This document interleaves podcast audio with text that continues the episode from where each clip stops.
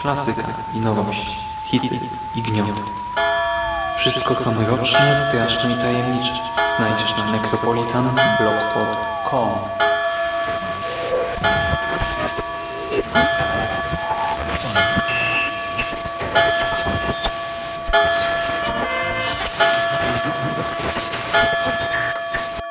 Witam w nawiedzonym podcaście.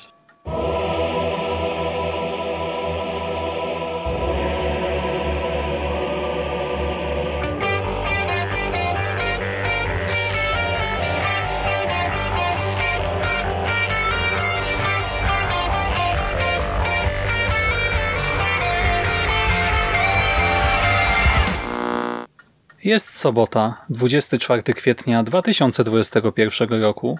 Słuchacie właśnie 339 nawiedzonego podcastu na blogu Necropolitan, a po tej stronie mikrofonu wita się z wami pusty w środku Szymas. I wcale nie chodzi o poczucie pustki e, w żołądku, ani nawet nie o Weltschmerz, no bo dziś jeszcze nie czytałem Guni, więc jeszcze go nie czuję. Chodzi o inną pustkę, a o jaką to wyjaśnię Wam za chwilę. Dziś chciałbym porozmawiać o wydanym w Polsce przez wydawnictwo Mucha Comics w 2018 roku albumie pod tytułem Pusty Człowiek. O samym komiksie być może wielu z Was nie słyszało, ale tytuł możecie kojarzyć przynajmniej w oryginale w związku z premierą jego ekranizacji. E, właśnie w ubiegłym roku, w 2020 Premierę miał filmowy The Empty Man, a pięć lat wcześniej w Stanach ukazał się pierwszy album z serii komiksowej o tym samym tytule. Do Polski e, The Empty Man zawitał właśnie za sprawą Mucha Comics. E, za scenariusz odpowiada Cullen Bunn, czyli osoba raczej nam wszystkim znana, tak jest związany zarówno z Marvelem, DC, jak i oni press bardzo mocno, e, nie wiem, z Dark Horse, w mniejszym stopniu z IDW, z Dynamite, na łamach Necro zresztą też o nim wspominaliśmy, bo zaczęliśmy omawiać jego horror Harrow Country, i w sumie moglibyśmy do niego wrócić jakoś niedługo, zwłaszcza, że teraz mam ochotę na więcej bana. E, tworzył różne rzeczy, ale często romansował z horrorem, więc liczyłem, że i tutaj zaproponuje nam jakąś ciekawą historię. A jego partnerką w zbrodni jest tym razem Vanessa R. Del Rey.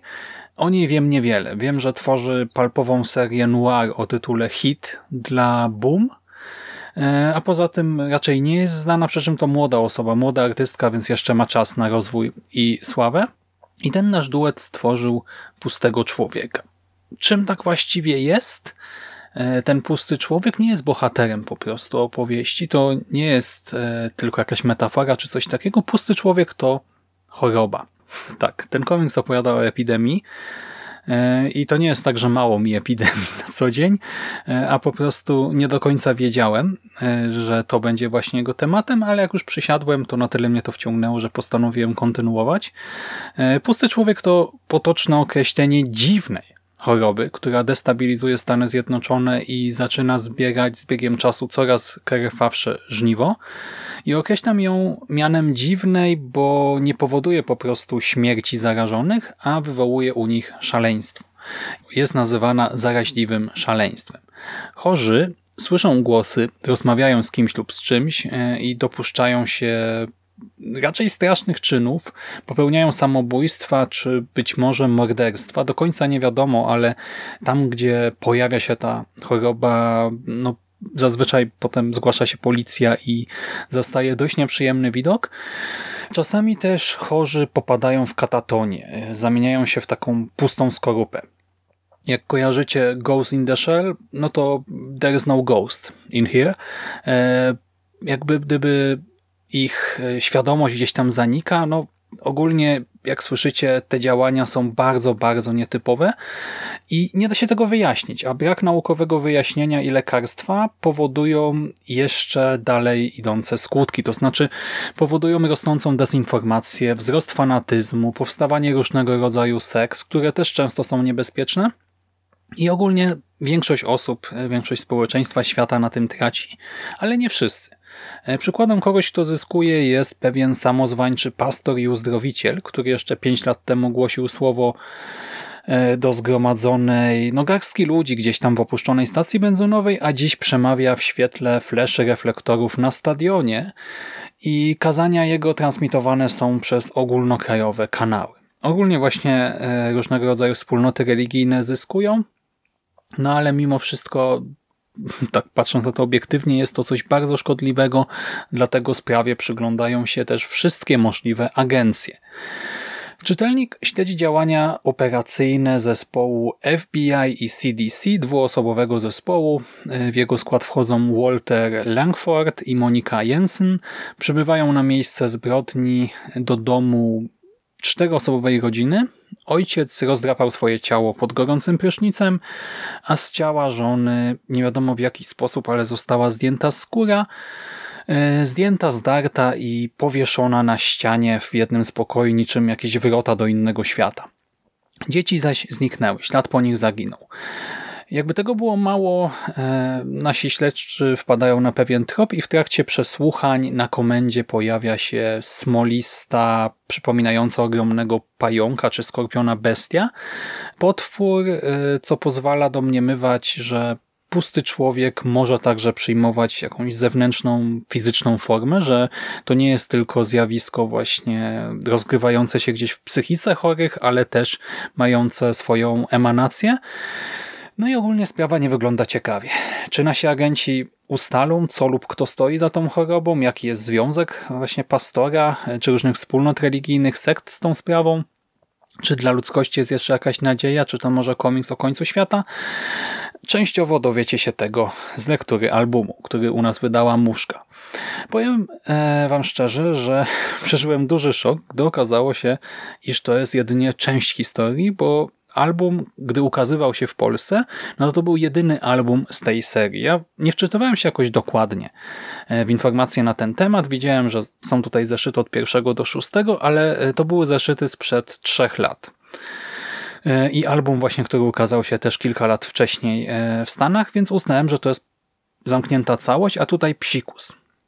Niestety nie i z tego wynika ta pustka, która mnie ogarnęła jakąś godzinę temu po zakończeniu lektury, bo historia po prostu się urywa.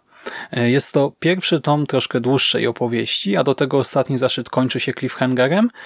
E, I e, cóż, ukazało się, że w Stanach jakieś 3-4 lata po premierze pierwszego albumu ukazały się nowe zeszyty zebrane ostatecznie w dwa albumy zbiorcze.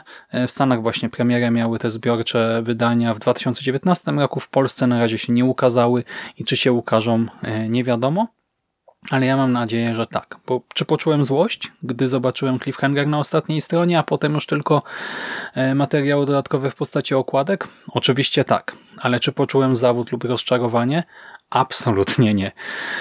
Bawiłem się doskonale, chociaż ta lektura nie zawsze była przyjemna. E, w komiksie obserwujemy e, jak gdyby naprzemiennie działania e, Langforda i Jensen i Moniki, działania Pastora oraz czasami kilku innych mniej lub bardziej istotnych postaci i to są zarówno wydarzenia bieżące, jak i retrospekcje.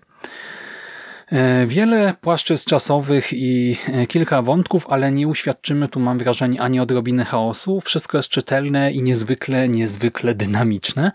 E, przypominało mi to oglądanie takiego naprawdę dobrego serialu akcji, przy czym setting Pustego Człowieka jest bardzo mocno horrorowy. Tak? To nie jest właśnie e, fabułka taka sensacyjna z agentami, a raczej właśnie e, jednak opowieść grozy. Już w pierwszym zaszycie e, Ban i Erdel Rey wpuszczą nas właśnie do tej łazienki, gdzie w wannie chory mężczyzna będzie polewał się wodą i rozdrapywał swoje ciało, w tym też trochę jak gdyby twarz, głowę. Um, uświadczymy także widoku skóry jego żony, rozwieszonej niczym kotara na ścianie. Wspomniane zostanie też na przykład karmienie psów niemowlęciem, e, liczne samobójstwa, pojawi się ten robaczy potwór. E, no jest grubo, że się tak za przeproszeniem e, potocznie bardzo wyrażę, ale komiks nie przesadza z brutalnymi scenami, po prostu operuje bardzo świadomie konwencją, tak by przykładowo uzmysłowić nam, jak działa choroba. Autorzy pozwalają sobie na stronę czy dwie w tych pierwszych zeszytach, e, które ukazują właśnie ofiary pustego człowieka i mamy komentarz, który mówi, czego się dopuszczały. E, mamy także te halucynacje wywoływane przez chorobę, co pozwala na wprowadzenie kilku takich elementów, no po prostu rodem z literatury czy kina grozy, ale to nie jest meritum tej opowieści. Tak, tu nie chodzi tylko o straszenie, a jednak o śledztwo. Groza jest tłem dla śledztwa e, naszej dwójki agentów i ta ich praca śledcza strasznie mi się podobała, bo z jednej strony obserwujemy takie typowe zadania, a więc na przykład wywiady środowiskowe. Po tej zbrodni z pierwszego zeszytu bohaterowie muszą przeprowadzić aż dziewięć wywiadów środowiskowych, i to świetnie zapełniło tam nam też dwie, trzy strony komiksu. E, wiecie, rozmowy z sąsiadami zmarłych.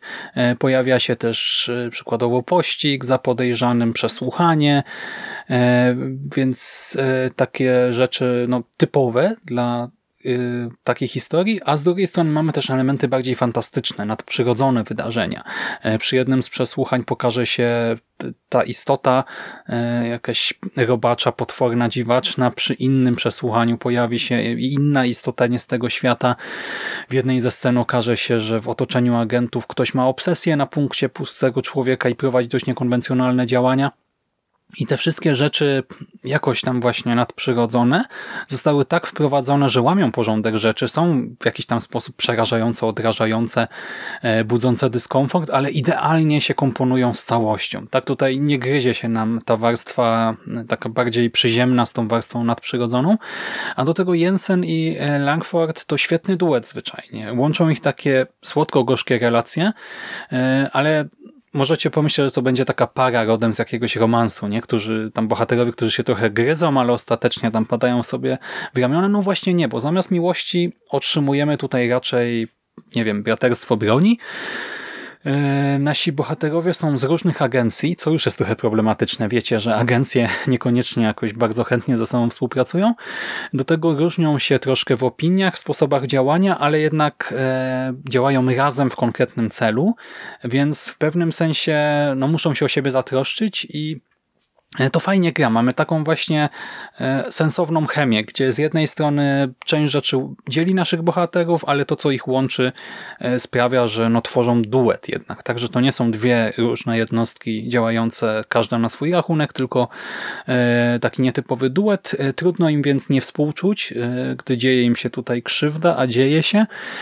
No i trudno im nie kibicować w tej bardzo nierównej walce. Mamy też chociażby figurę pastora, czy postać zdrajcy, o której nie chcę wam za wiele powiedzieć, właściwie niczego wam nie chcę powiedzieć. Po prostu muszę zaznaczyć, że e, zdrajca jest tutaj genialnie wprowadzony e, w taki bardzo oczywisty niby sposób, ale no to zadziałało. Tak zawsze, gdy podejmują jakieś działania, czy gdy bohaterowie się z nim konsultują, to to budziło we mnie bardzo mocne e, emocje, a i pastor jest w jakiś tam sposób ciekawy, może powiedzieć, że rozwija się w toku e, lektury. To by było troszkę za dużo, ale jak gdyby stopniowo odkrywamy jego prawdziwe motywacje, e, to co nim kieruje i to czego doświadczył, co sprawia, że też jest jakoś tam e, intrygującą postacią. No i właśnie do każdej z tych kluczowych figur będziemy pałać bardzo konkretnymi emocjami, więc tutaj twórcy myślę osiągnęli sukces. I właśnie to wszystko gra, chociaż historia nie jest rewolucyjna. To też trzeba zaznaczyć, że e, ona nie jest w żaden sposób mocno odkrywcza, tak nie jest też e, tak zawiła i tak genialnie wykoncypowana, jak na przykład w przypadku Black Monday Murders. Mamy epidemię, mamy ataki szaleństwa, wątek religijny, a więc wszystko, co już było, tak? O tym wszystkim czytaliśmy, to wszystko oglądaliśmy na ekranie, też nawet w, kurczę, w całkiem dobrych tytułach, a jednak pusty człowiek e, kupił mnie całkowicie, tak? E, tym swoim, e, nie wiem, rozmachem w skali mikro i dynamiką. To znaczy, te bardziej schematyczne rzeczy zostały powtórzone z różnicą, wzbogacone, odrobinę zniekształcone, zmodyfikowane i przez to ani przez moment nie czuć, że to jest jakiś odgrzewany kotlet. I chociaż My tutaj nie ratujemy świata tak w dosłowny sposób, raczej skupiamy się na e, działaniu tu i teraz, właśnie przez tę dwójkę agentów, na ich śledztwie, ich też jak gdyby doświadczeniach takich prywatnych, osobistych, e, ale właśnie z jednej strony to jest taka mikrohistoryjka, ale gdzieś tam ta skala makro majaczy w tle, no i do tego właśnie e, to, to wszystko, co się dzieje w skali mikro jest bardzo angażujące. Tak Jest e, tutaj pewnego rodzaju rozmach jednak widoczny, dużo się dzieje i do takich ważnych, e, istotnych wydarzeń. Do tego całość jest bardzo filmowa. Odwiedzimy z bohaterami wiele ciekawych lokacji, miejsca zbrodni, komisariat, nocny klub, miejsce głoszenia słowa przez pastora, właśnie różne miejsca, jego posiadłość, szpitale odwiedzimy, miejsca spotkań sekt, e, trafimy też do świata pustego człowieka. E, czym to jest, e, mówić nie będę do takiej właśnie specyficznej lokacji i wszystkim tym miejscom towarzyszy pewnego rodzaju duszna atmosfera, taki klimat pasujący po prostu do końca świata, że w toku fabuły rozpoczyna się tak zwana ekspansja. To również dopiero z lektury dowiecie się o co chodzi, no to te ta oprawa wizualna idealnie pasuje do treści i równie ważną rolę pełni narracja. E, ważną i dobrą robotę tutaj twórcy też wykonali, bo bardzo świadomie przecinają ze sobą poszczególne wątki i też bardzo świadomie stopniują dostęp do informacji. W żadnym momencie lektury nie wiemy za mało ani za dużo, czyli nie ma takich momentów, gdzie na przykład zaczynamy się gubić, nie wiemy co się dzieje. E, czujemy, że bohaterowie wiedzą więcej, a my jesteśmy głupi, nie ma takich momentów i nie ma też przeciwieństwa, czyli sytuacji, gdzie czytelnik e, ma przewagę nad śledczymi, w związku z tym może jakoś ich traktować jako no, głupiutkie marionetki, tak czuje, może czuć wyższość względem nich. Nie, nie ma tutaj czegoś takiego. E, wszystko jest świetnie e, uporządkowany, no i na każdej stronie jesteśmy spragnieni większej dawki wiedzy, informacji e, i też e, zafascynowani tą historią. Tak chcemy wiedzieć, jak to się wszystko dalej potoczy. Mamy też ciekawy zabieg z kadrowaniem, bo większość stron ma taką, takie bardzo tradycyjne ułożenie paneli, to znaczy to są takie typowe prostokątne E, panele tak jeden pod drugim, czasami tam jeszcze jakoś przeciętne, e, przecięte, przepraszam. E, zazwyczaj też są mniejsze, tak, nie tak wysokie, raczej niższa jest ich więcej, co pasuje do dynamiki w tym komiksie, a czasami pojawiają się strony z kadrami trójkątnymi. To znaczy całe zestawienie kadrów przypomina na przykład wielką literę M e, z tym właśnie trójkącikiem tak na górze, czy Y albo Xa. E, czasami tam są pozostawione puste miejsca, tak białe po prostu tło w niektórych e, punktach. I dzieje się to głównie w kontekście działania, czy też tego świata pustego człowieka, a więc doświadczymy tego więcej w kolejnych albumach, przepraszam, albumach zaszytach. I to też jest taka niby drobnostka, ale wizualnie sprawia bardzo przyjemne, sympatyczne wrażenie. No jest czymś ciekawym e, w takiej w miarę właśnie tradycyjnej, ale pasującej i bardzo dynamicznej e, narracji, a same rysunki sprawiają na samym początku wrażenie ciut niedbałych, ale to tylko wrażenie wywołane tym, że e, mimo czarnych obwódek, które tutaj występują, wiele elementów jest jak gdyby celowo poszarpanych. E, mamy właśnie sporo takiej pracy, no właśnie takimi szarpanymi kreseczkami e, i w pierwszej chwili te ilustracje mogą wydać się trochę niewyraźne, ale gdy się im przyjrzymy, e, to dostrzeżemy, że jednak jest tam sporo detali, zwłaszcza w tych miejscach, które te detale mają posiadać, czyli jakiś tam obrazek w tle może być troszkę rozmazany, jeżeli nie jest istotny, ale gdy pojawia się na pierwszym planie w jakiejś scenie, no to już widzimy na nim e, każdy szczegół. E, do tego właśnie Okazuje się, że to nie jest niedbałość, jak można by w pierwszej chwili przypuszczać, a raczej świadomie wybrana konwencja i dzięki temu e, niektóre kadry wyglądają właśnie jak takie małe dzieła sztuki, nie? jak coś naszkicowanego czy narysowanego farbami e, tak ten jeden, jedyny raz w jednym egzemplarzu. E, niektóre wybory tutaj rysownika mogą wydać się kontrowersyjne, bo przykładowo, gdy pojawia się ta taka no bestia, ten potwór, to coś takiego czarnego, smolistego, robaczego, to, e, to coś jest zblokowane. E, na poszczególnych kadrach jest troszkę rozmazane, co chyba ma pokazać znaczy nie chyba, no na 99% e, to, że to, to stworzenie szybko się porusza, tak? I w związku z tym tak ciężko je złapać w wyraźnym kadrze, e, ale też ktoś może powiedzieć, dlaczego to jest takie rozmazane, trochę jakby no, brzydsze przez to też, e, ale ja tutaj widzę po prostu świadomość artystyczną, więc osobiście oceniam to absolutnie na plus. I kolorki też absolutnie współgrają z treścią bardzo dobrze. Paleta jest w miarę bogata, ale jednak występują konkretne dominanty. E, dominują ciemne czerwienie, taki ala bordowy, e, czernie dominują też, mamy poza nimi jeszcze brudne pomarańcze, czasem jakieś tam brązy, e, czy niebieskawe szarości. Strasznie podobał mi się w ogóle kolor krwi. Ja wiem, że to jest taki detal, i to jest ciężko opisać w podcaście oczywiście, ale nie jest to krew ani zbyt jaskrawa, ani e, taka bardzo, bardzo ciemna, jak to się czasem zdarza w komiksach, czy nawet w filmach. E, tutaj jest właśnie nietypowa, taka pasująca do tej e, kolorystyki całego albumu.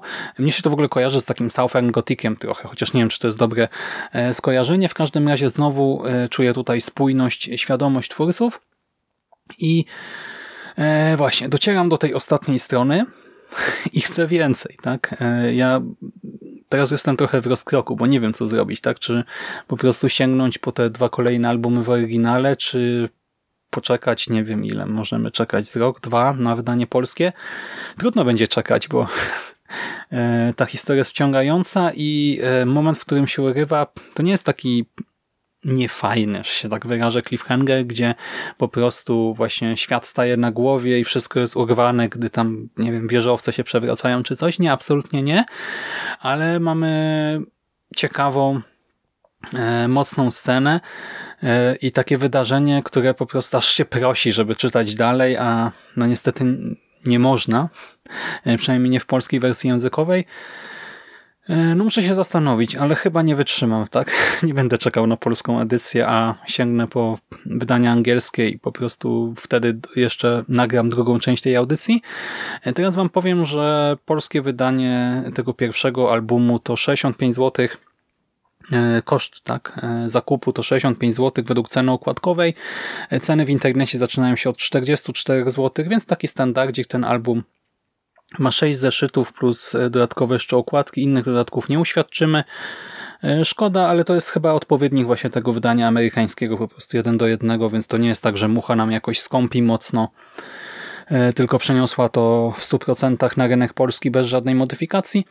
No i gdyby nie fakt, że to nie jest zamknięta historia i kolejnych tomów nie ma w Polsce, to ja bym was namawiał do zakupu bez wahania, bo to, to jest tak jak mówię, powtórzenie pewnych rzeczy, które znamy z innych tekstów kultury, e, to jest raczej właśnie komiks rozrywkowy, nie będący w żaden sposób czymś przełomowym, e, ale jest zarazem no, doskonałym rzemiosłem, tak? I bardzo dobre wrażenie na mnie zrobił, dał mi naprawdę e, te kilka dziesiąt przyjemnie spędzonych minut, czy kilka godzin, więc mimo wszystko, jeżeli czujecie się zaintrygowani, no to kupujcie, a jak nie to wydanie, to może angielskie, bo no sama historia na razie zapowiada się cudownie i tak jak mówię, chcę wiedzieć, co się wydarzy dalej i na pewno też chcę sprawdzić film, bo też jestem bardzo ciekawy chociażby jak przeniesiono te tutaj komiksowe fenomeny na obraz filmu.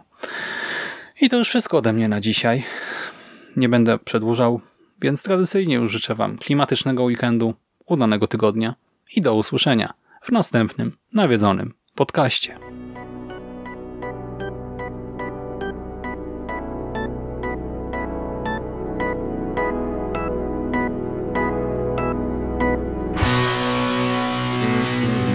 Pusty człowiek mnie do tego zmusił.